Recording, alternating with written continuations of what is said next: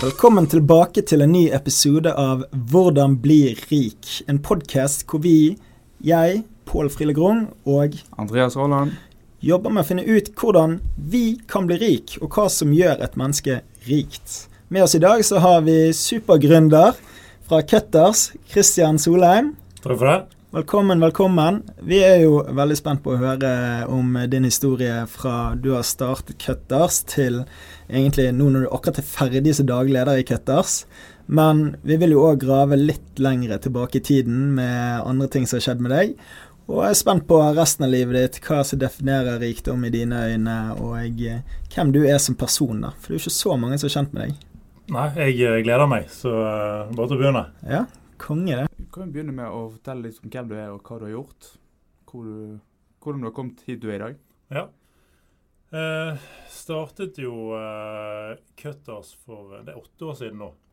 Så eh, som du nevnte, så er det nå eh, første måneden hvor jeg, eh, siden vi startet det, ikke har jobbet operasjonelt i selskapet.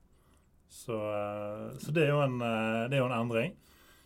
Men eh, jeg har jo, det er mange som tror at jeg alltid har drømt om å åpne frisørsalonger. Det er mange som tror at jeg er frisør. Du er ikke frisør? Nei, det er jeg, det er jeg ikke. Nei, okay.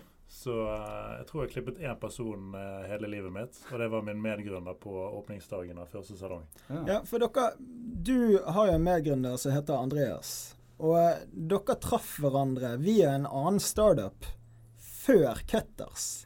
Ja, altså vi eh, Vi traff hverandre tilbake i eh, 2014, tror jeg, i eh, Roma Ja. i Italia. Hvorfor Roma? Altså, jeg, For min egen del så var jeg akkurat ferdig med mastergraden min på NHH. Mm. Uh, hadde ingen anelse om hva jeg ville når jeg var ferdig å studere. Altså Livet mitt før dette her, det handlet om ishockey av alle mulige ting.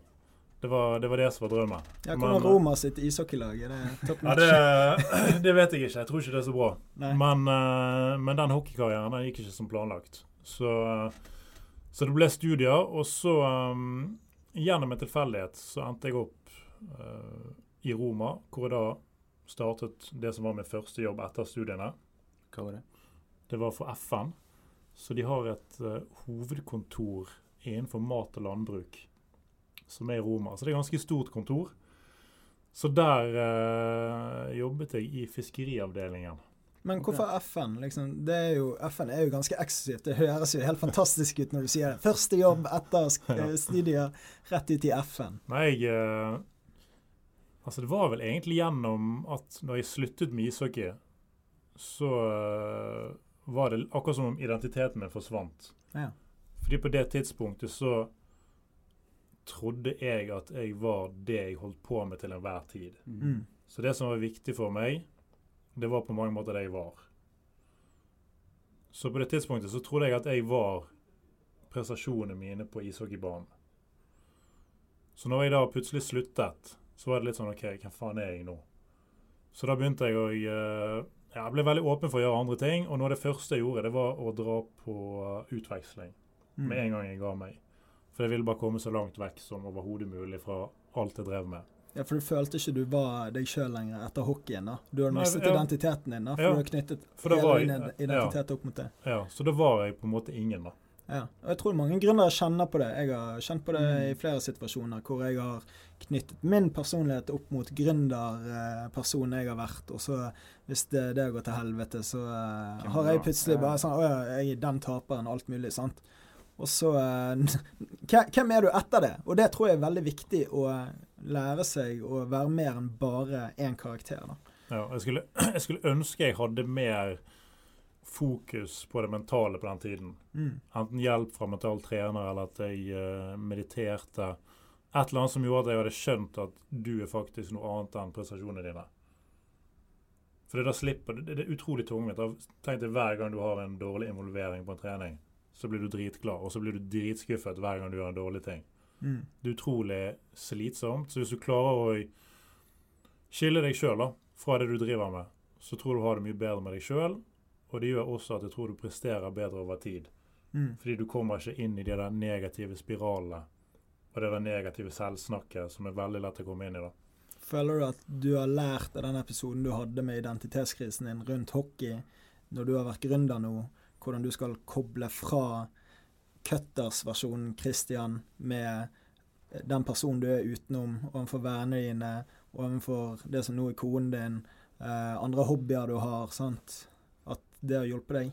Ja, jeg tror eh, Jeg vet ikke om det Jeg tror det er en kombinasjon av at man blir eldre eh, og man ser det, men også kanskje det at jeg egentlig ganske lang tid eh, begynte å bli interessert i meditasjon også. Mm. Når skjedde det?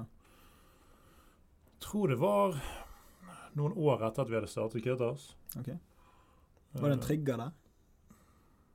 det, det er mer at jeg er veldig sånn interessert i å teste nye ting. Mm. Og jeg liker å eksperimentere med meg sjøl. Hvordan syns du det var å starte med meditasjon? For jeg har prøvd flere ganger å starte, men jeg får det liksom ikke skikkelig til.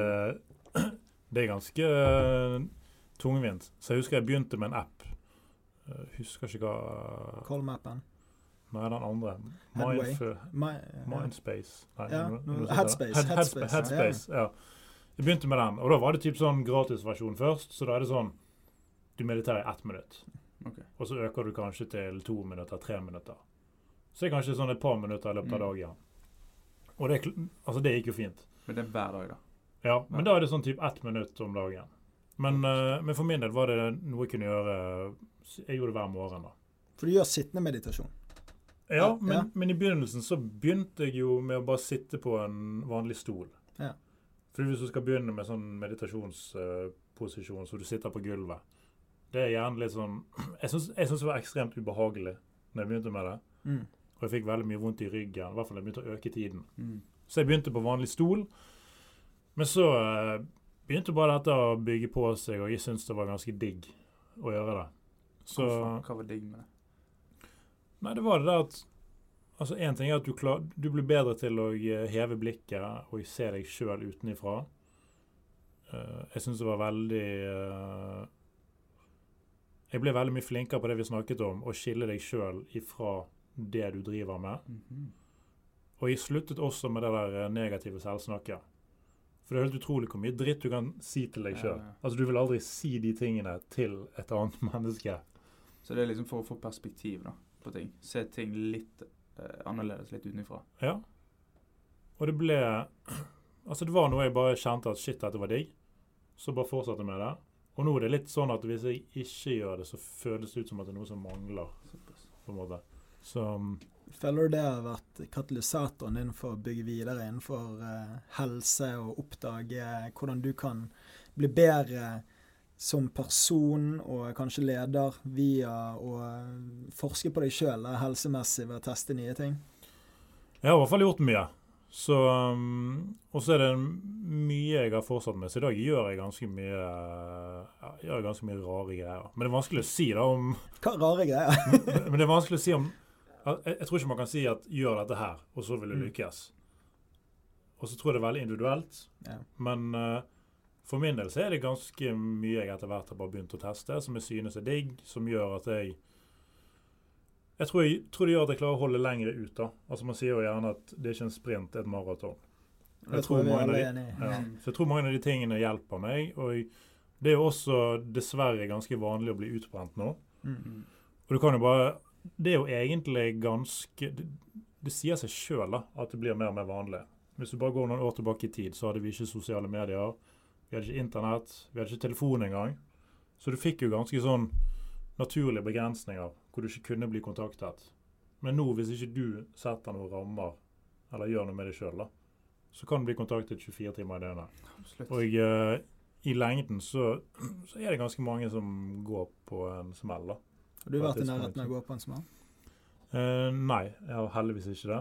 Tror Men du at eh, disse tiltakene du har gjort i forhold til å eh, zoome ut og eh, skille identiteten din, har vært uh, viktig for å unngå dette? For du har jo ganske Ja. mye ansvar. Uh, jeg, eh, jeg er ganske sikker på at det har hjulpet. Men så tror jeg også Jeg tror også personligheten min hjelper meg òg. Mm. Så jeg tror noen personligheter er enda mer utsatt enn andre. Men jeg har også gjort veldig mye for å unngå det, og jeg har jobbet med veldig mange som har blitt utbrent på et tidspunkt. Ja. Det er jo eh, Jeg tror jo at det med sosiale medier sant, alle, Alt ligger jo der nå. Sant? Før, så, ja, du, Hvis du fikk noe omtale, så var det i avisen, men så var det vekke dagen etter. Mm. Nå ligger det på Google i evig tid. sant? Og du har jo ikke akkurat hatt verdens letteste reise som gründer når det kommer til å eh, møte medier. sant? Du har jo du har vært ekstremt flink på å snu det til eh, deres fordel. sant? Og du har jo tidligere sagt at dette er et av markedsføringstriksene dere har utnyttet for å bygge merkevaren Cutters. Det må jo være ganske hardt å stå i det når pressen står og banker på døren, og de sier at dere bryter de reglene, og plutselig så sier du at du går heller i fengsel enn å Ja, det er en av de beste tingene jeg har sett i avisen. går heller i fengsel enn å ta imot cash på Cutters. Ja. Det er genial markedsføring. Ja, Du fikk jo en hel bransje imot deg i tillegg, sant? som står stormer i media. Jeg husker det når dere startet opp. For jeg, jeg kjenner folk som jobber i frisørbransjen innenfor uh, produkter. Sant? Og dere selger jo ikke de produktene. Og de er jo dritmisunnelige på en aktør som kommer og stjeler kundene deres. sant? Jeg tenkte jo, når jeg hørte Cutters første gang, så tenkte jeg det var en barbershop. sant? Og så plutselig så var en kompis som meg modell for de, og så eh, ja, dere, hadde dere flere salonger, og jeg bodde i Oslo når dere startet opp. Så var jeg på Oslo S og klippet meg på første salongen deres der, og eh, ja, det var jo mye hjemmesnekret i starten, Ja da, og så ble det utrolig mye mer profi profesjonalisert. da. Mm. Før vi hopper videre på Cutters, så kan vi gjerne gå tilbake til før Cutters. Jeg har ikke hørt om dette første selskapet ditt. Hva var det for noe? Eh, altså, det ble jo egentlig aldri noe selskap, men når jeg var i Roma, så hadde jeg Frem til Roma så hadde jeg aldri tenkt tanken på å starte mitt eget selskap. Men ganske sånn parallelt med at jeg valgte å dra til Roma, så begynte jeg også å jobbe gratis for en startup fra Norge, hvor jeg verken hadde lønn eller aksjer. Det var kun for å få erfaring Ja, og lære. Sporty. Og, ikke si hvem dette var? Ja, det altså, det jeg strengt tatt gjorde, det var å eh, ringe folk som vi syntes hadde stygge nettsider, og så prøve å overtale dem til at vi kunne bygge en ny nettside for dem. Klassiker. Det er ganske mange som har gjort det. Har bygget sine markedsføringsbyråer opp på den måten. Men ikke gratis arbeidskraft. Og jeg, og jeg husker en av de nettsidene jeg eh, skulle bygge. Det var en nettside til eh, noe de kalte for en sneglesluker. Som var, eh, det var Det var et eller annet hjemmesnekret eh, utstyr som man brukte til å suge disse brunsneglene fra hagene. Har du mareritt om dette ennå? uh, nei, men det var, ja, det var gode tider. Så det, da, da satt jeg på kveldstid etter jobben i Roma, Mm. og så holdt jeg på med dette her. Men laget du nettside, eller ringte du? Uh, først bare ringte jeg, og så etter hvert begynte vi å lage også, men det var jo bare via disse her uh, hjelpeverktøyene på nettet, Mm. som gjør at basically alle kan lage nettsider via de sidene. Absolutt. Men det, du velger jo riktige kunder, sant? Mm. Du går etter håndverkerne eller snegleslukerne og diverse folk som er opptatt av ting som ikke er digitalt. sant? Og så sier du hei, vi kan få en digital landingsside til deg. sant? Og så er det superteknologisk for deres del. Mm. Jeg har vært der sjøl og solgt på telefon. Nettsider. Og det er faen ikke lett. Det er de som har en stygg nettside, det er de som egentlig ikke bryr seg så mye om nettside. Ellers er det de som bare ikke har tid. Og treffer de som ikke har tid, men de har penger og de har lyst, da er det bra salg. Men eh, Jeg tror det er en tøff bransje. telefonselgere og dørselgere, det, det er Altså, liksom man, noe man, av det beste du gjør. man, ja, man lærer mye av det. det. skal faktisk sies. Jeg har jobbet som telefonselger i uh, tre måneder, tror jeg det var. Hvor du svår? Det var mens jeg gikk på uh, Det var mens jeg gikk på NTG i Lillehammer. På Ok. Toppidrettsgymnaset. Så var det en eller annen sommer jeg jobbet. Så det var i Lillehammer. Ja. Så det, men det var ganske heftig, syns jeg. Det, Det, altså, det, det er god trening, men fy søren så sliten du blir av det. Ja, her er du toppidrettsutøver Du går på toppidrettsgymnaset, og så bare får du smell i trynet av telefonen i andre enden.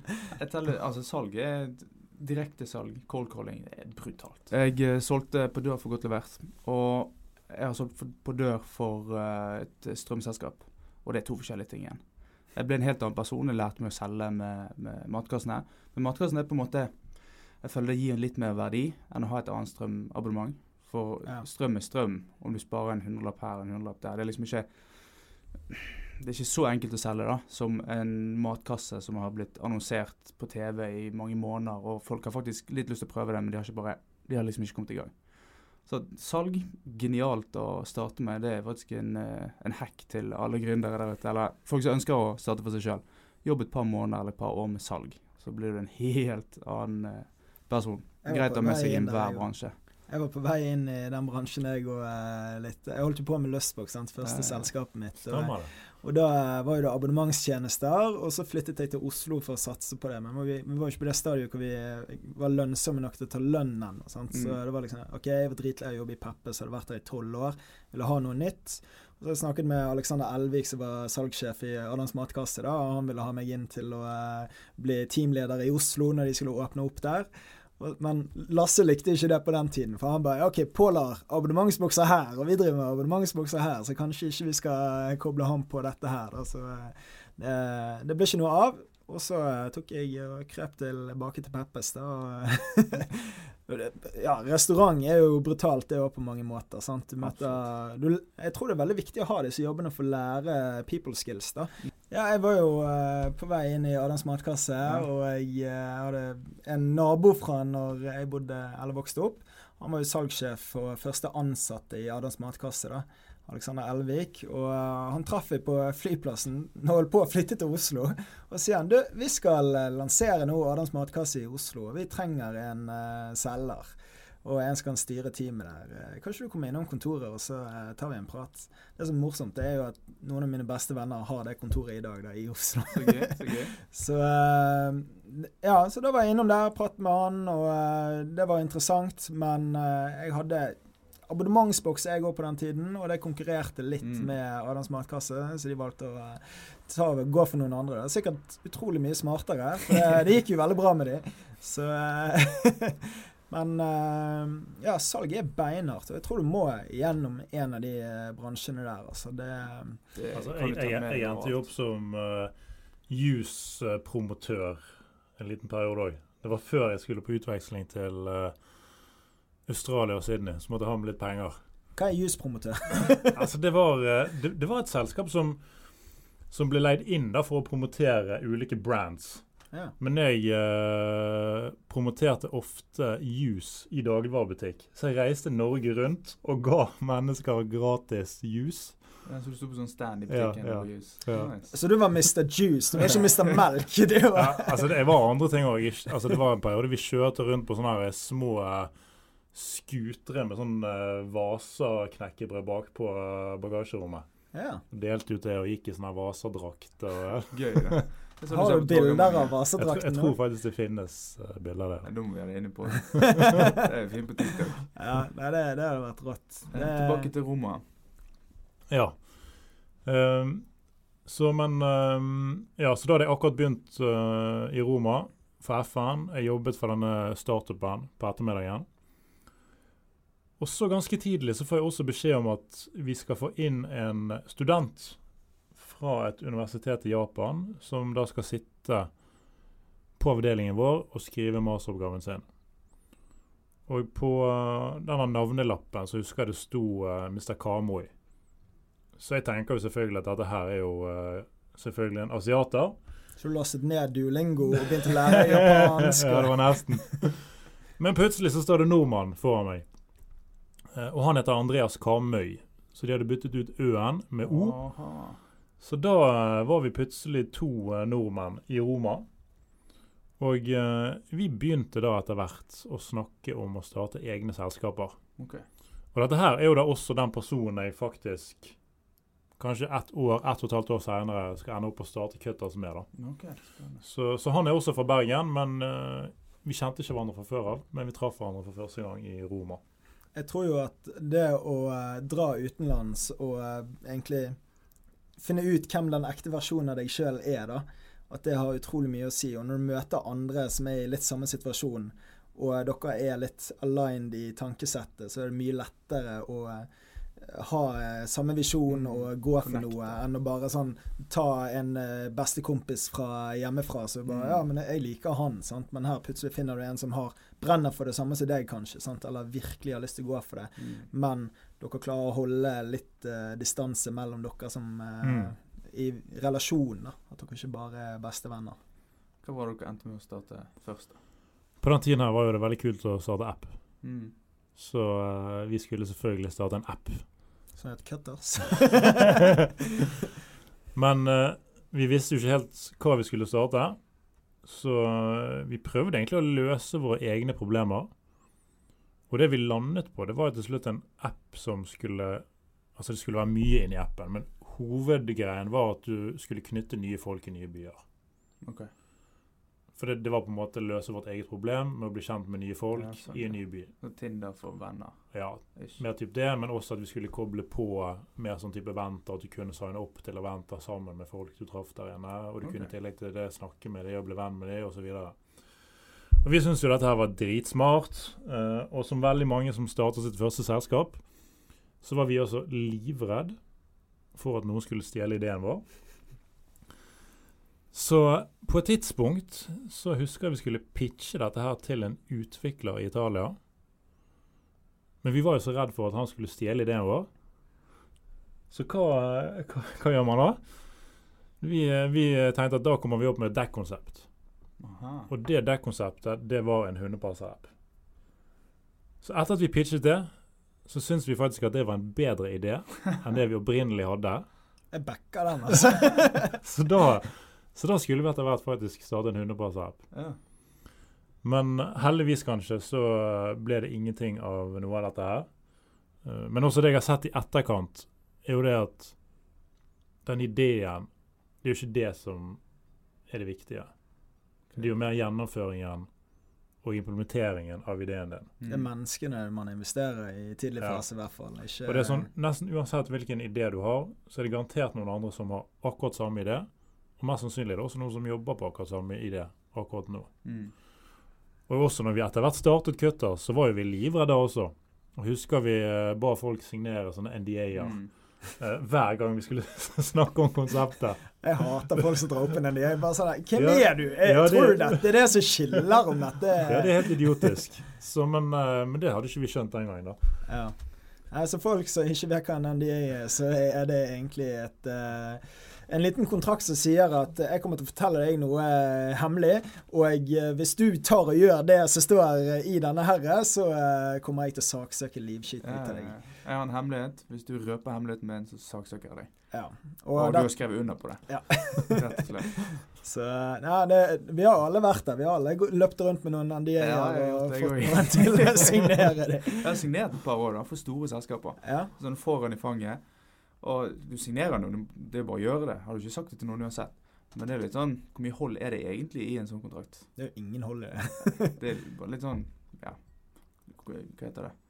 Offisielt. Litt formelt. Ja, det, det betyr egentlig at du begynner å bevege deg inn i et profesjonelt territorium hvor du nærmer deg et uh, forretningsforhold, gjerne. sant? Så uh, ja, det er spennende. Men tips er vel kanskje bare å drite i det. Ja, Det er litt mer effektivt. og hvis du skal inn til investorer og andre, ikke kom enn de er, Det sier alle investorer. For det at hvis du tror at ideen din er såpass eh, viktig og hemmelig, så uh, ja, ikke vi interessert i å høre den, liksom. For det, det er menneskene de investerer i, Mm. ikke ideen din. Hvor mange kompiser uh, har ikke dere som har sagt 'Jeg hadde ideen for Ja, ja, Uber ja, eller. Airbnb eller et eller annet rart'. Cutters! Sant? Alle de store mange eh, suksessene. I mange TikTok-kommentarfelt der gründeren snakker om ideen sin, så er det alltid to-tre stykker som skriver 'Gud, dette var akkurat det jeg skulle gjøre'. Og så tagger de en eller annen fordi de har snakket om dette. Så det er jo mange som har de samme ideene, Ja, som du sier. Det er jo gjennomføringsevnen og teamet bak som virkelig spiller Og faktisk hoppe ut i det, da. Ja. Det, det er jo det vanskeligste for eh, veldig mange. Det er jo å ta steget fra det sikre til det veldig usikre, og troen på seg sjøl at de faktisk kan gjennomføre det. Mm. Og det som gjør at mange investorer ikke er villige til å investere i gründere som bare har én tå inni istedenfor Mm. begge beina plantet i eh, havet. Ja. Men det er jo det som er ganske genialt hvis du, altså hvis du er ung, da. Det, jeg tenkte jo ikke på det før vi startet, men heldigvis vil jeg si, så startet vi i ganske ung alder, vi også. Mm. Eh, og det som er genialt med det, er jo at du har ganske lite du egentlig kan tape. Mm. For du eier gjerne egentlig ingenting. Altså Hvis du studerer eller rett etter at uh, du er ferdig å studere, da, så har ikke du begynt å kjøpe deg leilighet eller hus eller bil eller båt eller hytte eller jeg vet ikke hva folk kjøper. Men når du heter Andreas, da? Nei, men sant, Og du har heller ikke fått deg familie. Mm. Så hvis det går dårlig, da, så er det egentlig ikke noe du taper. Begynner fra scratch med Ja. masse Og du vil, erfaring. ja, du vil uansett lære utrolig mye. Mm. Men samtidig er det sånn at hvis du sitter og hører på noe, da, og du kanskje Mm. har noen av disse tingene allerede, så sier jo faktisk statistikken at nærmest jo eldre du blir, jo større sannsynlighet er det for å lykkes. Mm. Så det er jo uansett en god grunn til å starte for seg sjøl. Uansett hvor du er i livet. Hva var det som gjorde at dere ikke satte i gang med hundeappen? Det var uh, nok det at Andreas han skulle jo bare være i Roma noen tror det var en og en halv måned. Ja. Så han dro tilbake nå da til Japan. Uh, så da var han i Japan, jeg var i Roma, og så var det en annen kar vi jobbet med, som var fra USA, som dro tilbake til USA. Og så var det også en fjerde person som da også var igjen i Roma. Men da var vi i tre helt ulike tidssoner. Det hørtes ut som utrolig gode forutsetninger for å starte en frisørsalong. liksom bare så, ja, vi, vi har avdeling i USA, i Japan og i Roma, og ingen kan klippe. Så det ble ja, altså, Det gikk bare egentlig ut i ingenting når alle flyttet til ulike deler av verden. Og så hva, hva skjedde videre etter dette? Var det da kutta seg igjen kom til Altså, da går det nesten et år hvor jeg fremdeles sitter i eh, Roma. mm. Andreas han uh, hadde dratt til Japan. Og på dette tidspunktet her så begynte jeg også å leke med tanken på å si opp jobben i Roma, fordi jeg uh, Altså, jeg tenkte egentlig at nå skal det bare reise verden rundt. Mm. For nå hadde det vært Jeg hadde vært over et år i Roma og truffet utrolig mange mennesker fra alle steder i verden. Rett før det hadde jeg bodd et halvt år i Sydney, også truffet veldig mange mennesker. Så jeg lekte egentlig med tanken på å bare reise verden rundt og bare besøke utrolig mange folk jeg hadde jobbet med og studert med ulike steder i verden. Og på den tiden her så øh, begynner da også Andreas å ta kontakt med meg igjen. Vi har egentlig ikke snakket så mye siden han bodde i Roma. Mm. Men plutselig en dag så um, snakker vi på telefon, da. Og da sier han egentlig bare etter hvert Altså er, Det er vel litt sånn Kristian, vi skal ikke bare åpne noen frisørsalonger i Norge, da? Og hva sier du til øh, Hva sier du til det? Lett. Tenk å kunne tilby damene gratisklipper. Ja, sant? Så jeg, jeg trodde jo selvfølgelig det var tull, fordi ingen av oss kan klippe hår. Mm. Vi hadde aldri snakket om å åpne frisørsalonger. Vi skulle starte app. Eh, men han hadde kommet over et konsept i Japan som heter Kubi House, Mm. som hadde gjort det utrolig bra. Han hadde begynt å klippe håret sitt der sjøl. Og konseptet deres det er at de klipper på ti minutter. De har en fast, lav pris for begge kjønn. Det er samme pris Mm. for menn og damer. Og det er kun dråpen. Og så tenker sikkert folk nå eh, hva, Dette høres jo veldig ut som Cutters. Har de bare kopiert dette her og tatt det til Norge? Jeg har jo vært forbi en eh, slik eh, salong eh, på flyplassen i Hongkong. Okay. Og det er jo sikkert derfor dere fant ut at flyplasser var et bra sted for dere òg. Men uh, da var det sånn Ah, der er Cutters, ja! og det var i sånn 2017. Så bare sånn, Jeg var på flyplassen, bare sånn hva er det, Kobe House, eller Og det bare Ti minutter, sitter det selvfølgelig helt annen type hår. sant? Eh, Asiatisk hår er utrolig rett, mye enklere å klippe sikkert enn eh, skandinavisk. Og det er jo der dere kommer inn og helt sikkert må gjøre en god del justeringer. Ja da. Men, men kort fortalt så har vi kopiert det. Og det er også litt av poenget som jeg ofte også forteller folk. Du, du trenger ikke finne opp hjulet på nytt hvis du skal starte et eget selskap, eller hvis du skal gjøre noe innovativt. Mm. Du kan la deg inspirere av noe som fungerer i et annet land, og så kan du ta det til et eget marked. Og det var det vi gjorde. Så han, eh, han ringte meg på en fredag. Jeg tenkte på det gjennom helgen. Og på eh, mandag morgen så går jeg inn på kontoret til min daværende sjef og sier at jeg sier opp jobben. Jeg skal hjem til Norge og åpne frisørsalonger. Var ikke det, ikke det en ganske stor kontrast å gå fra å ikke har inntekt til å fortsette å ikke ha inntekt? bare si opp jobben så ikke betaler jeg, og så bare Jeg skal fortsette med dette. Men det var jo flere kolleger som syntes det var morsomt og lo og Det jo joket litt med det. Og eh, det, det var mange som gjorde det når vi kom tilbake til Norge òg. Mm.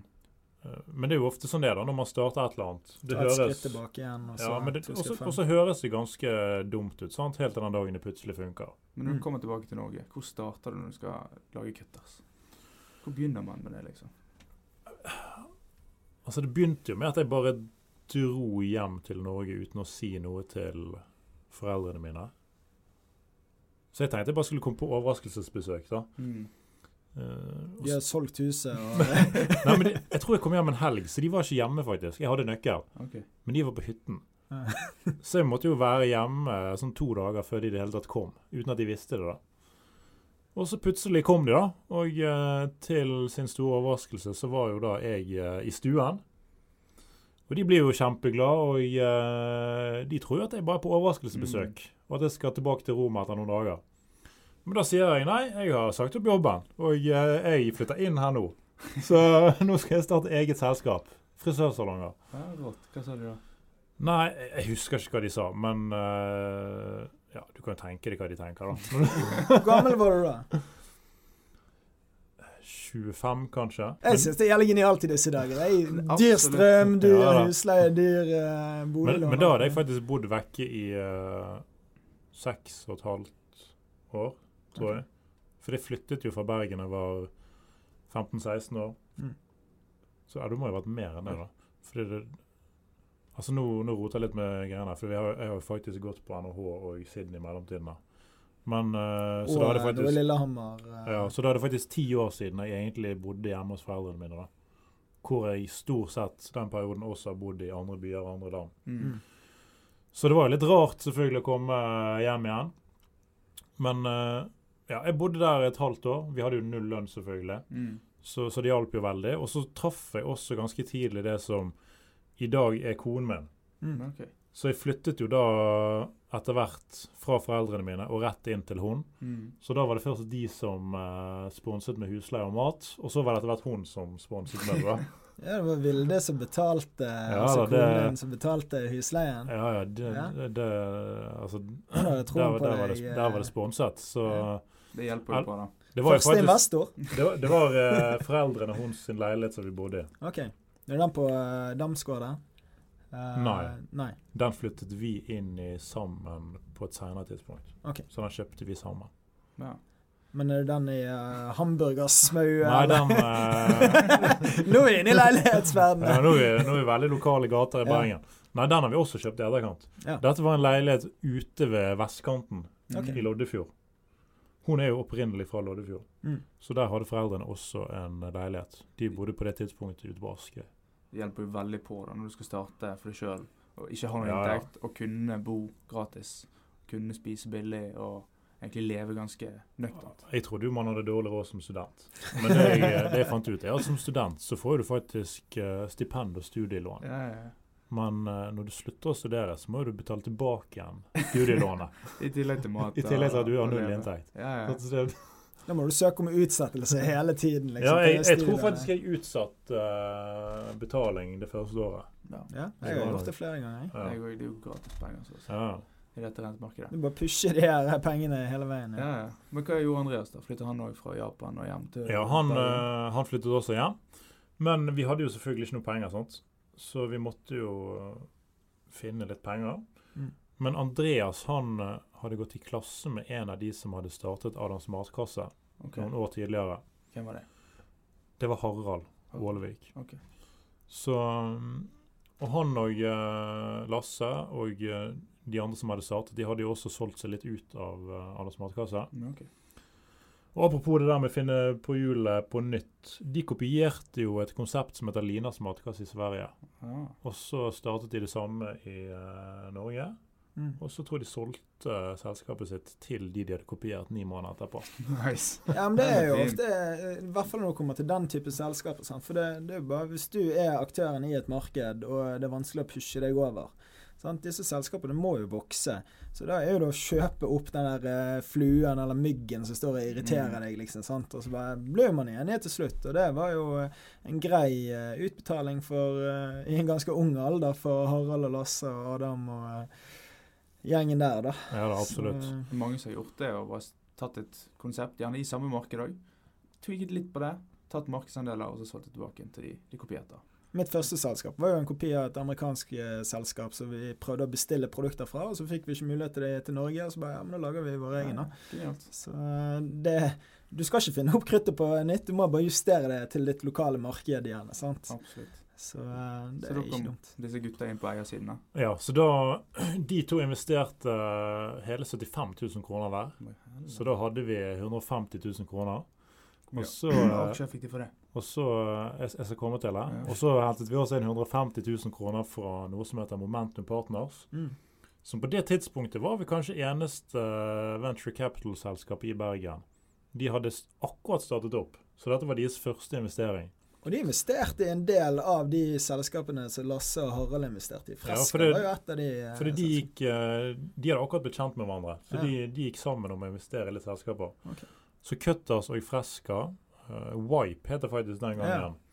Eh, det var de første investeringene de gjorde. da. Så men vi hentet da til sammen 300 000 kroner. Men vi skulle få 150 000 først. Og så skulle vi ha det vi kalte for proof of concept. Mm.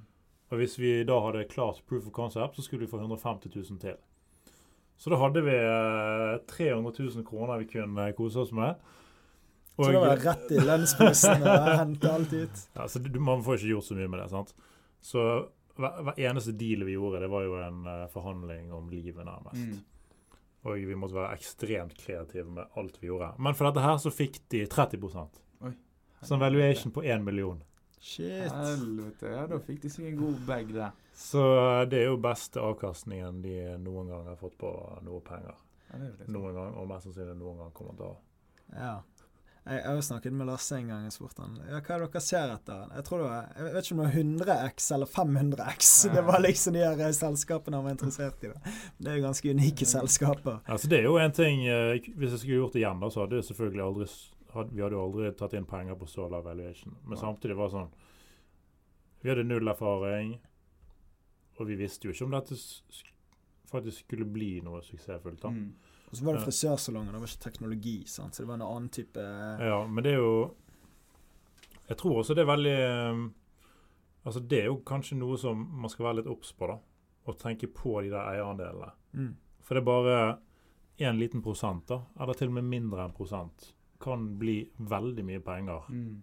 en gang i fremtiden. Men hvordan hadde du hentet inn penger hvis du hadde gjort det på nytt nå? På samme konseptet? Hvis du kunne gitt et tips til deg sjøl for ti år siden? Det hadde jo, selvfølgelig vært å selge det inn mye bedre. Og kanskje um, Altså Da hadde man jo vært litt mer sikker på seg sjøl, og man vet at man kan få til noe. Mm. Så da hadde man jo bare satt en mye høyere verdsettelse. Ja, ok. Tror, du, tror du har fått penger på en mye høyere verdsettelse? Enn én million, ja? Ja, ja, liksom sånn hvis du, hvis du tenker en vanlig frisørsalong Det er jo svært få mennesker som ville investert i en vanlig frisørsalong. sant? ja Og greit nok, dere hadde et konsept å Ja, kopiere som kunne vise til skala, men det, det er jo det er, det er veldig mange som vil åpne en restaurant, veldig mange som vil åpne en frisørsalong, en klesbutikk. Men å skalere det, det er jo der kunsten ligger. Ja da, Så du må jo ha et konsept og en historie rundt det. Mm.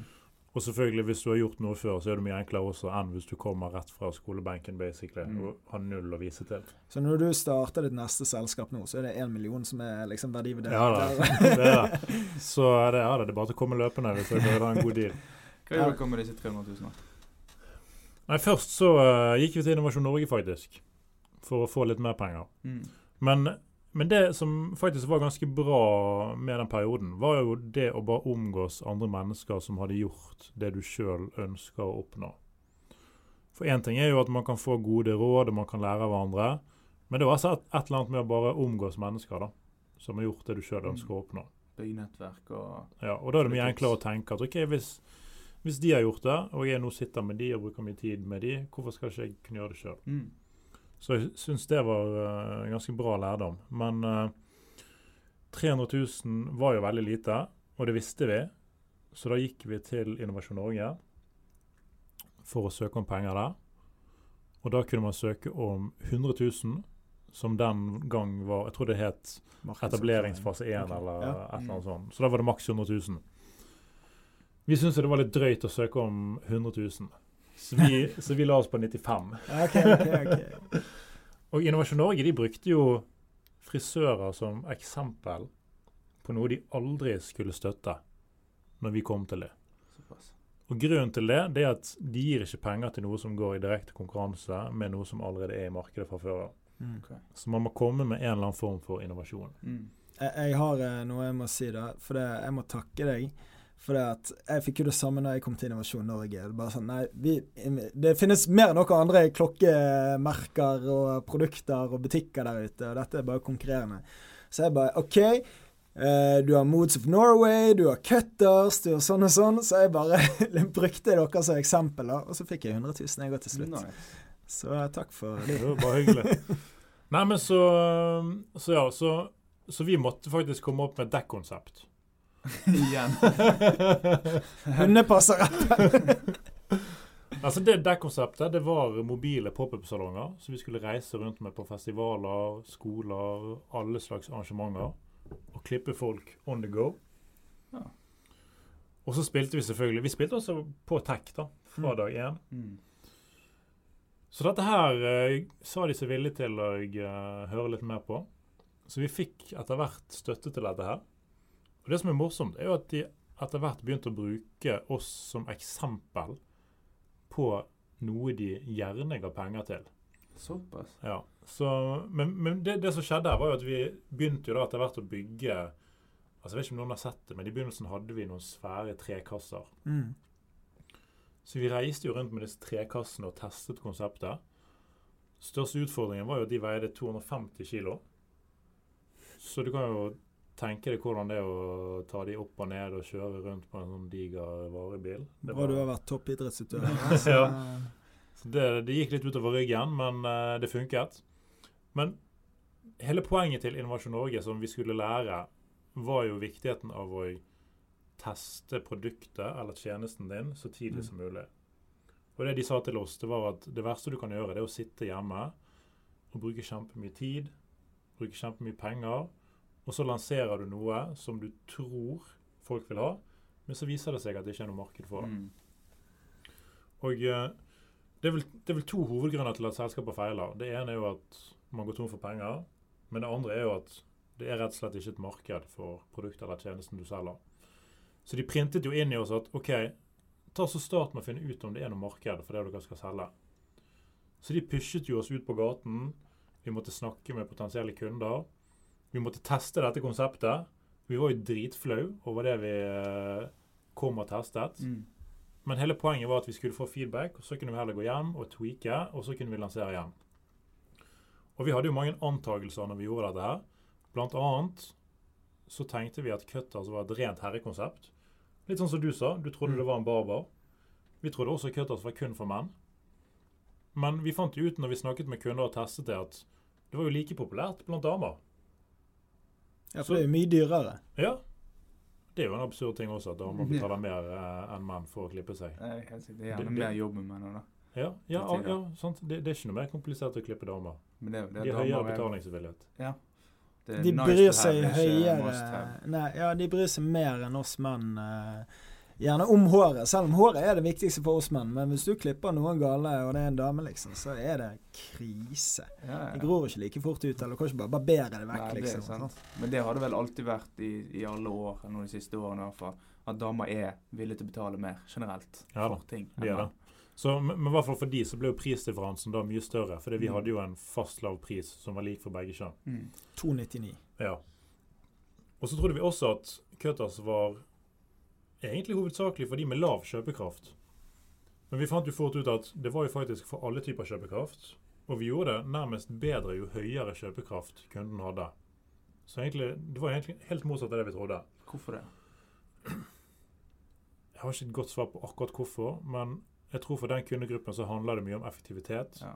Og man ønsker å gjøre en god deal. Ja, ja, Hvorfor skal man betale mye mer hvis man kan betale mye mindre og få det samme resultatet? Og til og med bruke kortere tid. Altså, de med bedre økonomi bruker vel også mer tid på å spare penger. Det er en grunn til at man har mye penger. da. Det Ja. er jo at man er vant til å gjøre gode dealer. Jeg husker da jeg gikk på BI, han er Jonny Olesen som eh, underviser i finans der. Han, han gikk og prutet hvis han kom eh, i disken på Peppers Pizza, så skulle han ha rabatt. Uansett, liksom. Det var sånn, nei, nei. Så for det, ok, Greit nok, han tjener mye penger, men det var sånn her, ok, hvis du kan spare litt penger hele veien, da, så er han villig til å gjøre det. Det liksom. kjekt. Kjekt å spare penger da, og gjøre Ja, en god deal. Altså, jeg er ganske gjerrig. Så, men det kan komme Er det sånn man blir rik? Det Men, men vi trodde, også trodde vi også at vi skulle klippe på ti minutter. da. Ja, ok. Så For det, var det, det var det de gjorde i Japan. Okay. Ja da, vi skulle klippe på ti minutter. Men uh, så dro vi hjem til det som var vår første frisør, Natalia. Hun var dritflink. Jeg, Andreas og mange vi kjente, dro hjem til Lån.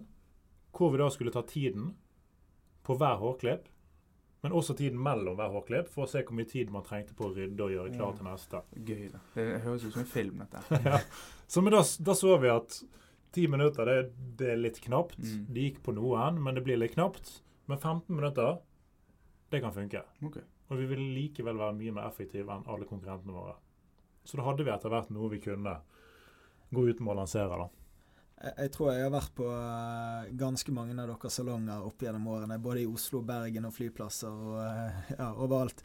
Men det jeg ser, er jo at frisørene bruker lengre tid når de ser at kunden er veldig bevisst på det. sant? Og så er noen, noen kunder, da er det bare Så er man ferdig, liksom. sant? For det er en mye lettere jobb. Men jeg sitter liksom bare stirrer, livredd for at det skal skje noe feil. sant? Så om det tar 20 minutter på én eh, kunde, og så tar det 10 minutter på en annen, så er jo det Jeg var litt nervøs første gang jeg testet Cutters. For at de bare skulle klippe meg, og så Nå har det gått 15 minutter, nå må du stikke fra stolen. Men det, jeg tror jeg har vært hos Cutters mange Det ganger. var, det var mange som trodde det. Ja, var liksom. Ja, men det, klart det. Han. Og jeg tror det var første gang jeg var der. Så var det faktisk ingen bak meg i køen. Jeg vet ikke om det var seint eller tidlig. men Det var bare meg. Så da var hun superhyggelig, hun frisøren. Og hun sånn Ja, har du god tid, så kan vi, kan vi gjøre litt ekstra og sånn og sånn. Så satt jeg der sikkert i 25 minutter og chattet med Ja, frisøren. Og, og noen ganger så bruker vi mer enn 15 minutter. Men som du sier, noen ganger bruker vi også mindre. mm. Men snittiden vår den ligger ca. på 15 minutter. Men det var veldig mange i begynnelsen spesielt som trodde det, da, at hvis man går over 15 minutter, så må man betale Mm. 2,99 til. da. Mm. Ah, ja. Men det var jo litt av, det, det, var også, det er også noe av grunnen til at Cutters funket så bra. Fordi en av de tingene som vi ville komme vekk fra, var jo disse Altså, du, du har jo nærmest sånne lange Kina-menyer med ulike priser på frisørsalonger. Mm. Og så er det sånn startpris og til Eller det, det, du får oppgitt en pris, men det er bare startpris. Mm. Det er ikke det du ender opp med å betale. Og Skal du ta nesehårene, og så er det 15 kroner Ja, ekstra. sant? og så avhenger det av uh, hvor mange års erfaring den frisøren har, Mm. som Ja. klipper deg, og så hvilken type klipp du ender opp med å ta, og om du får litt uh, balsam eller sjampo i håret, om du får litt styling, og så bare edder de på hele tiden. Ja, og så vet Så- du ikke hva Nei, du, du vet aldri hva du betaler. sant? Så hele poenget her var jo at OK, vi skal ha en fastpris, og du betaler på forhånd, så du vet hva du betaler, Mm. og du vet hva du får, så det er null overraskelser. Og så skulle vi heller ikke ha produkter til å begynne med. Mm. Fordi vi ville ikke pushe på noen ting. Men alt dette her igjen var jo også da nærmest en kopi av dette Mm. vi hadde sett hadde fungert i Japan. Det, det er jo ingen som har lyst til å komme inn et sted hvor du ikke er hele tiden og kjent med Hvis du kommer inn på en restaurant og du har 40 pizzaer å velge mellom, så er det en bibel du må gå gjennom, og du har ikke peiling. Sant? Og hvorfor skal jeg ha muslinger på pizzaen? Sant? Det gir jo ikke mening. Sant? Det er fem produkter som selger. Mm. Gi folk de fem produktene, eller det ene produktet, eller prisen. Du vet hva du kommer til, og hva du betaler. Ja, ja, og så er den forutsigbarheten med, med hva du får òg. Mm. For et par år siden så skulle min frue klippe meg hjemme. Hun hadde ikke klippet før, så det gikk jo ikke så veldig bra.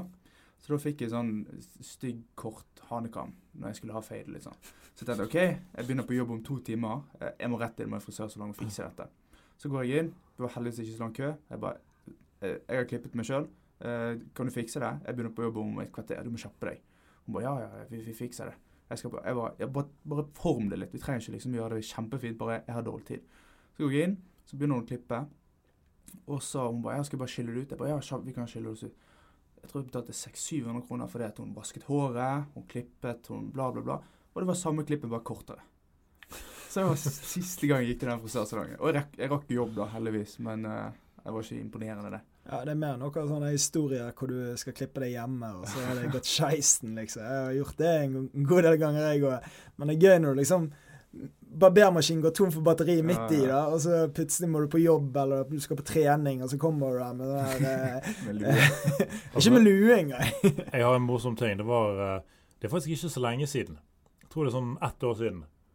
Så hadde jeg fått for meg at jeg skulle trimme øyenbrynene. Så tok jeg den der eh, skjeggtrimmeren, og så hadde jeg akkurat uh, trimmet skjegget. Men så var det et eller annet som hadde skjedd, da. Så den var jo gått ned på sånn null millimeter. Oi. Oi, ja. Og så dro jeg den uh, over øyenbrynet. Så da røk jo halve øyenbrynet. Så da gikk jeg rundt uh, i gatene på kontoret med ett øyenbryn. Var det, var det når du skulle gifte deg? Og du var Nei, jeg tror det var eh, like etter. like etter? ok. Det tar vel litt tid før det vokser ut ennå. Ja, det gjør det. Ja. Eh, Spennende. jeg- I går så satt jeg ved siden av på flyet med Geir Luedi, han som manageren til Aurora og Sigrid og disse. da.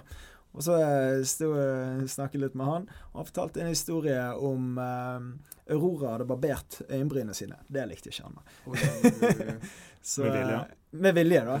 Så ja, men du er sånn artist eh, Man skal uttrykke seg eh, på en artistisk måte, sant. Så, ja. Kjente du ham fra før, eller møtte du ham på flyet? Nei, greiene Han hadde spilt inn en podkast med Susanne i eh, Drømmefanger, da. Okay. Og så sa jeg, så jeg han på, eh, på vei inn på flyet, og så har jeg fått beskjed om å lytte til den podkasten Ja. av Marius like før. Og så ja, hadde jeg lastet den ned, den podkasten, og så sier jeg til han jeg skal høre på deg eh, på denne flyturen fra London til eh, Bergen. Si- Og så sier han å, er han kommet ut? Ja, ok, hva, hvor finner jeg han? Liksom. Sånn, så var Drømmefanger-podkasten, reklame. Og så eh, ja, så snakket vi litt om den etterpå, da. Så det var kult. Artig. Mm. Er du flink å, å møte nye folk? Bli kjent med Altså, du kunne bli kjent med stein. helt sinnssykt. Jeg er kjent med ganske mange steiner. Jeg har en onkel som heter Stein, og jeg hadde en som vokste opp under meg som het Steinar. Ja, der ser du. Det Så er, eh, ja, ja. ja, det er rått. Eh, ja, hvor var vi? ja, du barberte vekk eh, Ja, men hvor var vi før det? Du hadde tre, fi, 395 000 da, kroner som dere brukte på å teste ut konseptet. Ja, stemmer. Det var der vi var, ja. ja, ja. Derfor det tar så lang tid. Men eh, ja, så vi um, Vi hadde jo parallelt uh, signet vår første lokasjon også. Ok, det var med Fløibanen. Ja. Så, så tanken var jo egentlig aldri å reise rundt med disse modulene. Men det ble jo faktisk uh, Vi ble en erfaring rikere, vi lærte mye. Og så fikk vi også promotert brandet ganske mye. Ja. Så vi var jo på sinnssykt mange universiteter og skoler. Så jeg tror det var ganske mange som visste om det etter hvert. Og vi hadde laget mye eventer rundt hver gang vi besøkte en plass. Og vi ga mye gratis hårklipp, og det var dritmye folk. Mm. Og det var kule folk som var modeller deres. Så. Ja. Så, ja det, og det var jo vi også veldig opptatt av. da. Vi, eh, det skulle være et kult sted. Mm. Og vi eh, Eller jeg det var jo, Når jeg sier vi, det var jo jeg og Andreas som gjorde alt. sant? Eh, Men jeg husker jeg brukte veldig mye tid den gangen på Instagram også. Bare på å få influensere. Og det gjør ikke du nå lenger. Nei, nå sitter, nå, nå sitter jeg ikke der lenger. Men det er jo litt av det med å uh, scale. sant? Du kan ikke gjøre alt sjøl lenger. Nei. Så du må jo etter hvert som man vokser, så må man jo finne folk som kan erstatte seg sjøl innenfor ulike områder. Mm. Men, uh, men den gangen så kunne jeg sitte sikkert lett seks timer på Instagram hver dag. Og også når vi hadde åpnet første salongen, og bare kontakte Altså Etter hvert så var det sånn at jeg kontaktet alle jeg fant som hadde over 2000 følgere. Så det var-? Det var fra 2000 følgere, og så var det bare så høyt du kunne komme. Så det var, det var liksom ingen jeg ikke kontaktet. Og så hadde jeg et Excel-dokument også, for jeg, jeg er jo ganske strukturert. Så jeg hadde jo orden på dette her, så jeg visste hvem jeg hadde tatt kontakt med, hva de hadde svart, hva status var, hvilke byer de var lokalisert i. Men, men, nei, nei, men jeg sa bare vi har akkurat åpnet uh, dritkul salong. Det er Norges mest populære salong etter bare noen dager. Dritfett. Det stemte jo ikke, men uh, det var det jeg sa. Uh, Fake to make it. ja, og så sa jeg du har en utrolig kul profil. Uh, passer utrolig bra til brandet vårt. Det hadde vært Mm. dritkult hvis du kom inn i salongen vår og hilste på oss og fikk deg en gratis klipp. Mm. Og så hadde det vært kult hvis du også la det ut på egne sosiale medier. Og eh, det var jo selvfølgelig noen som ikke svarte, men det var ganske mange som svarte. Mm. Eh, det var også ganske mange som sa ja. Kult. Og da eh, måtte jeg jo begynne å orge, sant. For selv om vi hadde drop-in-konsept, så ønsket jeg ikke at de skulle komme til salongen vår som en vanlig kunde og ende opp med å plutselig stå kjempelenge i kø. Mm. Så da booket jeg alltid spesifikke tider da, med Mm. spesifikke frisører som jeg visste var dritkul, og som jeg visste kunne gi en kjempegod opplevelse. Så når de da kom i salongen, og jeg fikk en god opplevelse, og gikk hjem igjen, så kontaktet jeg de dagen etterpå og bare spurte sånn Hei, hvordan går det? Mm. Var det bra opplevelse? Eh, som regel sa de ja. Så sa jeg bare OK, kult. Eh, la oss gjøre dette igjen flere ganger hvis du vil det. Og veldig mange ville jo det. sant? Mm. Så da begynte de å kontakte oss neste gang de skulle ha en hårklipp. Nice. Så jeg ble jo en slags sånn booking manager etter hvert inne på Instagram.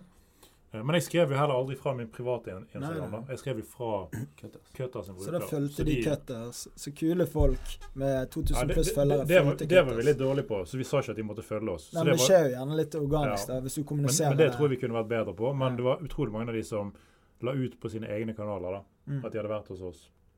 Så, så etter hvert så hadde vi faktisk noen salonger hvor det Altså det var lett at det var en sånn to-tre influensere som kom inn i den salongen hver dag. da. Så det ble ganske mye volum på det etter hvert. Hvor mange frisører hadde dere eh, i første salongen da, når dere startet opp der? Dere Vi- hadde vi- sant? Hun Ja, var vi startet med tre frisører. Ja.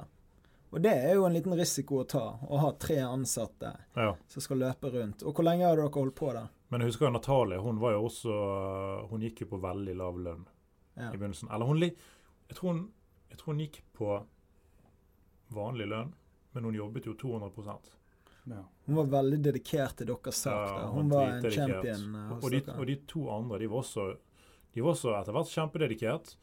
Men der brukte vi også en del av pengene som vi hadde fått fra Innovasjon Norge, til dette her. Og Det er jo litt sånn styr. sant? Du skal jo bruke pengene til spesifikke ting, og du skal Mm. vise det til Innovasjon Norge.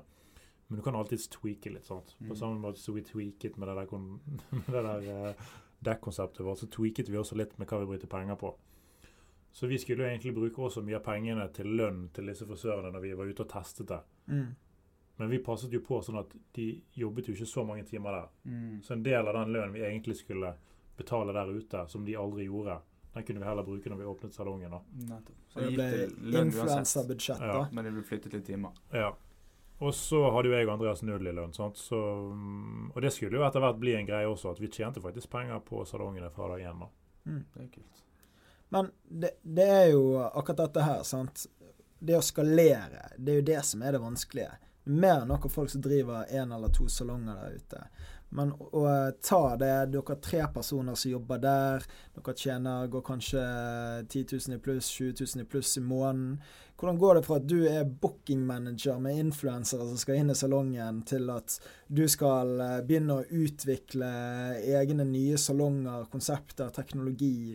Dette er jo Du tar på deg ganske mange hatter på veien her, da. Ja da, du, du gjør det. Så, men, men vi sa jo opp jobben vår fordi vi skulle helt oppriktig starte verdens største frisørkjede.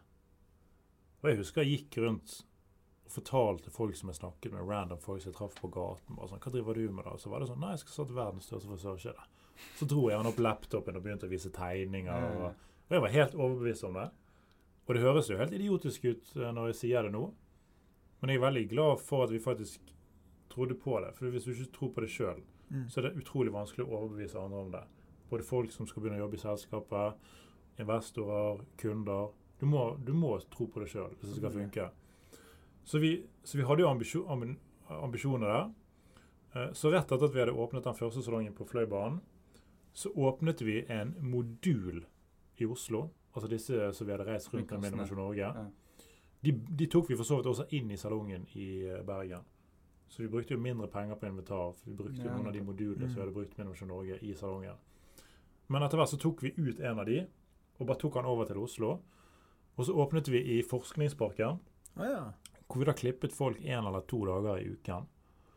Hvor da vi, så fikk vi inn en frisør da, som bare sto der. Uh, og det var jo uh, Det var ikke helt tilfeldig, men det var en god venninne av Natalie. Og uh, hun var også bestevenninne med Sofie Elise. Ja, Felicia. Sant? Fetisha. Fetisha. Fetisha. Ja, Ja. var sånn. Så Hun hun har for tiden. Hæ? så Hun er hun, hardt vær for tiden. Er det? Etter en stygg TikTok. Ah, ja. Men ja, tilbake. Hva sa du? Men ja, så hun, eh, hun sto der. Så hun eh, Så det må jeg bare hylle hun for. Hun sto der helt alene i en by uten noen av oss andre, og sto helt alene i mange timer på denne forskningsparken. Og da tror jeg hun sto i flere måneder uten noen kollegaer. Eh, men det som var helt konge, var jo at vi fikk jo kjempemye gratis markedsføring gjennom at hun kjente Sofie Elise etter hvert. Ja. Så hun lagde jo mange innlegg. Jeg husker det. Fordi Fetisha, klipp, fordi Fetisha jobbet der, og hun klippet seg også ofte i salongene våre. Nice. For hun klippet seg jo også. Så hun var hos oss ganske lenge, og hun, eh, etter hvert så ga hun seg jo, da. Så nå har hun jo begynt med ny karriere. Er Natalie hos dere ennå, i Cutters? Nei. hvor har hun gått videre, da? I frisørbransjen eller et annet Ja, sted? For hun virker jo som en Nå er det veldig lenge siden jeg har snakket med henne. Ja. Nei, for, Så eh, er du usikker? Så ikke jeg hører, så har hun vært utrolig viktig Ja, i starten her. Kjempeviktig spiller. Ja da, absolutt. Ha, det er jo teamet du snakker om. sant? Mm. Utrolig viktig. Jeg hørte òg, vet ikke om det var en annen podkast du var med i, at uh, han som var med å lage første salongen, sa nei takk til aksjer, for han ville ha cash istedenfor. Jeg, vet, jeg tror det er noen andre som har sagt Jeg, altså, jeg kan ikke huske det Ja. sjøl engang Så- heller. Og de aksjene hadde jo vært, vært Men- en del mer nå. Men det er jo, men det er jo, altså det er jo helt typisk da, i begynnelsen at eh, folk ikke vil ha aksjer. Man vil heller ha lønn. De fleste vil jo heller Hvis man må Altså hvis man hvis, Altså man vil jo ha begge deler hvis man kan, men hvis man må velge, da, aksjer eller null i lønn, mm. så er det mange som tar heller lønn. Fordi de må ha inntekten. Mm. Og de tenker ikke denne tanken at ok, men det kan jo hende de aksjene blir verdt Mm. mye i fremtiden.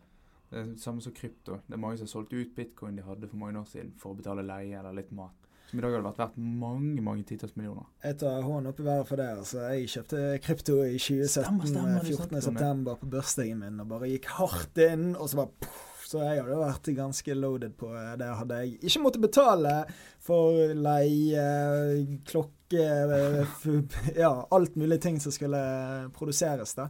Og eh, selvfølgelig må man selge når eh, markedet er dårlig, sant. Det er jo typisk. Men eh, ja, hvor, hvor var vi før det? Nei, men, men, men vi fikk jo hjelp av uh, en nabo av uh, medgrunneren min til å bygge den første salongen. Mm. Vi måtte jo bygge alt for hånd, Mm. for vi hadde ikke penger til noe annet. Og uh, medgrunneren min var jo heldigvis litt handy, men han hadde en nabo som var enda mer handy. Eh, og når jeg sier nabo, så var det nabobåt. Oh, ja. For medgrunneren min bodde i foreldrene sin båt Ja, for å holde kostnadene nede. Nice. Så, så han naboen her, da, han eh, var med å hjelpe til. Han tok, jeg tror ikke han tok noe særlig betaling, jeg. Ja, okay. Men sånn, eh, jeg tror han kom tilbake en sånn et år eller et halvt år i etterkant. For da hadde damen hans eh, sagt at faen, du må jo ha betalt for dette her. Mm. Så da begynte han å skulle ha noe penger. da. Så det kan hende det var da vi sa ja, men du kan ta litt aksjer, men han skulle ha penger. Er jævlig lett. Men hvor mange salonger har dere nå i Norden, og hvilke land er dere i? Eh, vi er i Norge, Sverige og Finland, Mm. så nå er vi 130. Vi hadde åpnet i, eh, i Nederland og eh, Danmark også, rett før pandemien. Ja. Men det var eh, Det var mildt sagt eh, vanskelig å drive i fem land, og spesielt to veldig nystartede land, når du ikke engang kunne være der. Men ok. Altså Man kunne ikke reise Ja, på to ja. år. sant? Så det var jo Ja, det er jo en historie i seg sjøl. Er- Ja. Beklager. Nei, eh, hvordan er det liksom Det er jo de færreste selskaper, norske selskaper klarer å skalere ut av Norge. Det er store kulturforskjeller, spesielt Finland, vil jeg tro. Men bare det å gå til Sverige er det mer enn noen norske selskaper som sliter med. Hva er utfordringer du møtte på veien der, når du skal inn i disse landene? Det som du sier, det er dritvanskelig. Vi, eh, men, men her hadde vi, vi hadde også et mål om at vi skulle ta det ut hele tiden. Mm. Så planen vi startet, var at det skulle ut. Men vi gikk kanskje ut enda tidligere enn vi tenkte. For jeg tror vi, gikk, jeg tror vi begynte å teste i Sverige etter sånn et år. Mm. Oi.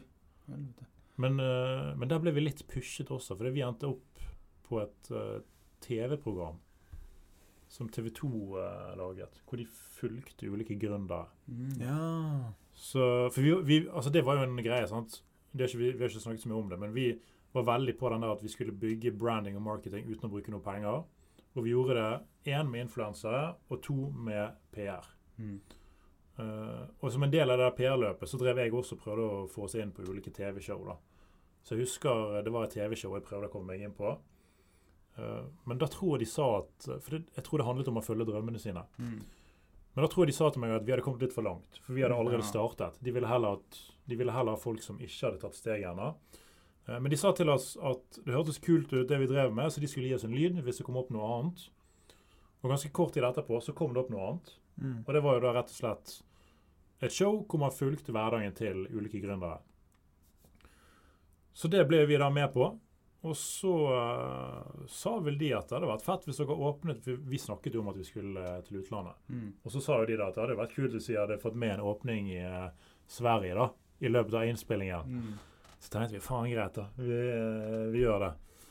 Så da begynte vi, men vi rakk vel ikke åpning um, i en innspilling igjen, men vi åpnet rett etterpå. da. det i Sverige. Hvilken salong var det? Liksom, dere har jo en god del salonger, 130 Mm. et eller annet. sant? Ja. Men Hvilket nummer det var? hvilket nummer det var? Altså, det var sikkert uh, Jeg tror ikke det var noe sånn særlig mer enn nummer ti eller Oi. Det var såpass, ja. elleve eller noe sånt. Det Jeg tror det var ganske tidlig. ja. Jeg husker første gang jeg traff deg, det var, da sto vi begge på NHH og holdt foredrag for eh, noen studenter. Og så sier du at ja, i morgen så skal vi åpne nummer 26, og det var der Oslo Met eh, ligger nå, da. Uh, og eh, dagen etter så gikk jeg forbi der, og da var Cutters uh, åpnet. Ja, det, det, gikk jo ganske fort. Så vi, eh, vi hentet jo Altså Etter at vi hadde åpnet den uh, i Bergen og den lille satellitten i Oslo, så hadde vi også begynt å få en del PR. For vi hisset jo på hos eh, konkurrentene våre. Mm. Det var jo for så vidt noe vi også hadde blitt inspirert fra det konseptet i Japan. Fordi vi hadde hørt at det hadde vært litt sånn tendenser til opptøyer og knuste vinduer. og. De hadde også etter hvert vokst så mye da, at Konkurransetilsynet hadde gått inn og sagt at de ikke får vokse mer. Så vi, eh, vi tenkte jo sånn Faen, kult hvis vi klarer å gjenskape dette her i Norge. Mm. Så, så vi Ikke helt, men vi, vi har jo hatt våre runder. Mm. Så vi prøvde jo bevisst å terge på oss konkurrentene til å begynne med. Og det var jo det vi etter hvert skulle se at var en av de tingene vi skulle få mye PR på. Mm. Så vi brukte jo oss sjøl som et eksempel i kamp. Altså Du har jo David mot Goliat. Så vi var den Mm. nye utfordreren som tok opp Mm. kampen mot det store etablerte. Så det var på en måte noe som folk kunne kjenne seg igjen i. Fikk dere også på dere Konkurransetilsynet med prisene deres? Eh, nei, vi gjorde ikke det. Men vi fikk sinnssykt mye drit fra konkurrentene våre. Det tror jeg på. Ja, for de, jo, de var jo en fagforening eller noe sant, som eh, sa at det er påkrevd å vaske håret til alle som skal klippe seg. Ja da. Og eh, det stemte jo ikke. Og de prøvde jo å innføre dette som lov, eh, eller Mm. reglement. sant? Ja. Og de jeg kjenner som hatet på cutters, eh, som var i frisørbransjen For det første så var jo de kassene som du snakker om. sant? De går jo bare rundt med sånne kasser på ryggen og eh, åpner opp eh, pop-opp her og der. sant? Og, så Vi får jo ikke en skikkelig klipp, for det tar 15 minutter. Eller så er det Ja. Det er jo mer enn noen haters der ute. Altså, du, du, du hadde jo. Du hadde det sikkert fremdeles, men du hadde jo sånne grupper på eh, Facebook husker jeg, som var for uh, frisører. Som Så det var jo sånn, likte det var jo sånn mange mange tusen. Jeg tror det var sånn nesten alle frisører i Norge er på de gruppene. Oi. Og vi fikk gjennomgå så sykt på de der gruppene. Og jeg bare tenker på frisørene som faktisk valgte å slutte i en tradisjonell salong for å begynne hos oss. Altså, de fikk så jævlig mye drit.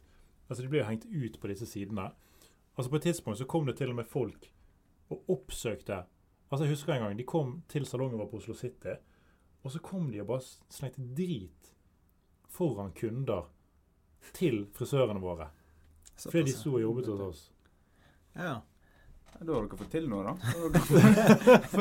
Men det skaper jo eh, også et, et samhold, sant? så det blir jo veldig sånn faen, Frisørene våre blir jo veldig sånn OK, nå skal jeg i hvert fall vise dem at Mm. vi kan gjøre en dritgod jobb på den tiden her. Mm. Men det er jo sånn Grunnen til dette her er jo fordi vi gikk veldig imot den tradisjonelle tankegangen. Og det var også derfor jeg tror dette konseptet i Japan fikk samme driten. Fordi som frisør så blir man gjerne lett opp til at man skal bruke lang tid. Og jo lengre tid man bruker, jo bedre blir resultatet. Og også jo høyere pris man tar, jo bedre er jeg som artist eller frisør. Mm. Så hvis jeg velger å gi en lav pris på klippen, og jeg bruker dårlig tid, så gjør jeg på en måte noe med stoltheten til yrket. da. Mm. Det går imot hele utdannelsen og hvem en frisør er som person. da. Mm. Så, så ja, vi fikk ganske mye hate på det. Men uh, vi spilte jo utrolig mye på det også, da. Og hvordan rekrutterer dere når hele bransjen står imot dere? Hvordan klarer dere å rekruttere til å åpne i den farten dere skalerte i? sant? Altså, det var jo dritvanskelig. Så vi var jo Vi var jo veldig kreative, og um, jeg husker jo jeg ringte og oppsøkte frisører som jobbet i andre salonger. Mm. Og bare spurte om de var keen på å ta en prat og uh, etter hvert begynne å jobbe hos oss. Og jeg husker vi gikk gjennom de der listene på Nav for å se om det var folk som hadde jobbet i frisørbransjen tidligere, som hadde sluttet, og gjerne hadde begynt andre steder å jobbe nå. Så der fant vi jo noen folk. Og så husker jeg at vi testet også Tinder. på et tidspunkt. Ok. Hvordan gjorde dere det? Nei, for, for det, altså, altså Jeg vet ikke hvordan det, hvordan det er nå lenger, men du kunne jo se uh, yrket Ja. til folk på Tinder. Okay. Så vi fant ut OK, vi går inn på Tinder, og så liker vi alle som står som frisør. Og så bare, hvis vi får en match, så begynner vi å snakke med dem, og så begynner vi å fortelle om konseptet. Og vi klarte faktisk å rekruttere en av de første frisørene våre via det. Det, jeg har samme taktikk, da, men jeg har det på fysioterapeut. Går jeg alltid sveiper til høyre på altså for Jeg liker de som er fysioterapeut. Jeg bare, hvis jeg kan få Gratis skikkelig massasje. massasje, så er jeg superhappy. Men lagde dere da en profil som cutters? Eller som Nei, for det, det jeg og Andreas eh, vi hadde diskusjon på det. Og da kom vi frem til at OK uh, Jeg egner meg bedre til det enn han. Så da ble vi enige om at jeg bare skulle gjøre det med meg sjøl. Ja. Så da, det var ikke en eh, bedriftsprofil, det var bare Nei. meg sjøl. Ja, Du blir vel ganske fort kicket ut hvis du er en bedriftsprofil? Ja, det gjør du sikkert. Så, men det funket faktisk. Mm. Uh, men uh, Og så skulle jeg da treffe det som i dag er min kone, ganske kort tid etter dette her. Mm. Og da var det liksom Du kan ikke være på Tinder. så da. Så da droppet vi det. Men eh, jeg tror poenget er at uh, man kan få til uh, mye hvis man er litt kreativ og litt desperat. Mm. Absolutt. Det er jo gjerne når man har mindre ressurser tilgjengelig, det er jo da man må være nok kreativ Mm. og uh, gjøre de crazy stuntene. Mange av de går kanskje ikke veien, men så har du noen som bare sånn boff treffer så Mm. sinnssykt. Og da da. er du gjerne litt annerledes òg. Du skiller deg ut. Du er ikke på Facebook eller i avisen. Du har litt kreativ markedsføring, som deres sprell, og da ligger folk merke til det. Da er ikke det bare en sånn som kommer opp i feeden, men da ligger du faktisk merke til det. Så det er kanskje bedre det enn å bruke penger. Ja, Jeg husker jo, jeg var jo, jeg tror det var åpningsdagen på den på Oslo S. Så var jeg klippet meg der og snakket med Lasse på telefonen eh, etterpå. Og eh, fortalte om opplevelsen fra jeg hadde vært og klippet meg. Og, og så går det samtidig, leser jeg tror det var i DN, så var det noe hat på at dere hadde det var jo den samme vanlige vaske håret-greien. sant? Men OK, du kommer inn i et nytt marked. Det er jo ingen som vet hvem Cutters er i Oslo.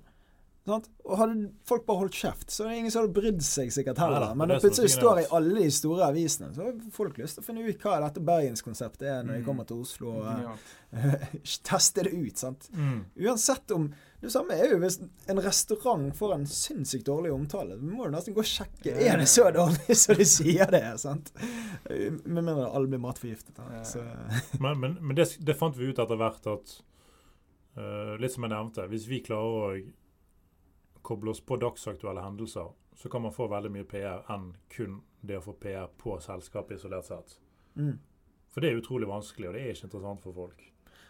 Men det er jo en ganske genial taktikk å bruke seg sjøl og hatet som andre har mot dere, til å skape eh, oppmerksomhet. sant? Og Ja. gjerne jeg vet ikke, Har dere sittet noen eh, gått anonymt til avisen og eh, prøvd å skape noe PR rundt dere sjøl uten eh, Jeg tror ikke vi har gjort det på den saken, men jeg husker jo hver gang vi åpnet ny salong, Ja, ja.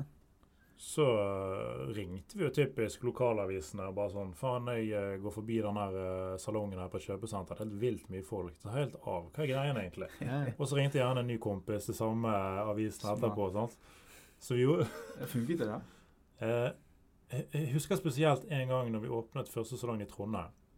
Så gjorde vi det sånn typ seks ganger til samme journalist. Så da tror jeg det bare ble sånn obvious at eh, Men- ja, men, eh, men vi fikk det noen ganger. Men, men det der med den uh, hårvasksaken som du har nevnt noen ganger, Mm. der gikk jo det så langt som at, som du sa, da konkurrentene våre gikk etter hvert sammen, og så prøvde de å endre regelverket. Og eh, det de prøvde å innføre, det var en regel som sier at man må tilby hårvask før hårklippet Mm. Men det fikk de ikke gjennom. Nei, men de, de hadde faktisk kommet ganske langt. Eh, men vi trodde jo først det var kødd når vi hørte det. Men så viste det seg at nei, det er faktisk uh, De Det er faktisk noe de holder på med. De, de snakker med folk på Stortinget og går rundt og lusker i gangene.